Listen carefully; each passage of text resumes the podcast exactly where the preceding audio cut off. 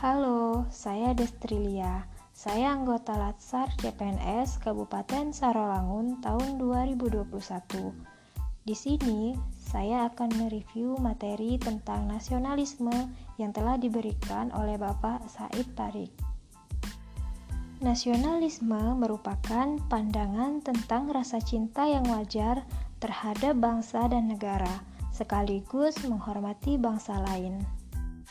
Pembentukan nilai Pancasila dalam menumbuhkan nasionalisme ASN sebagai pelaksana kebijakan publik, pelayan publik, dan perekat pemersatu bangsa. Nasionalisme bukan hanya berperang.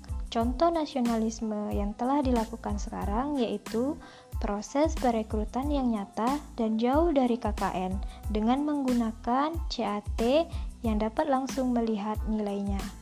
Ini merupakan salah satu proses pada perekrutan CPNS, P3K, dan sekolah kedinasan.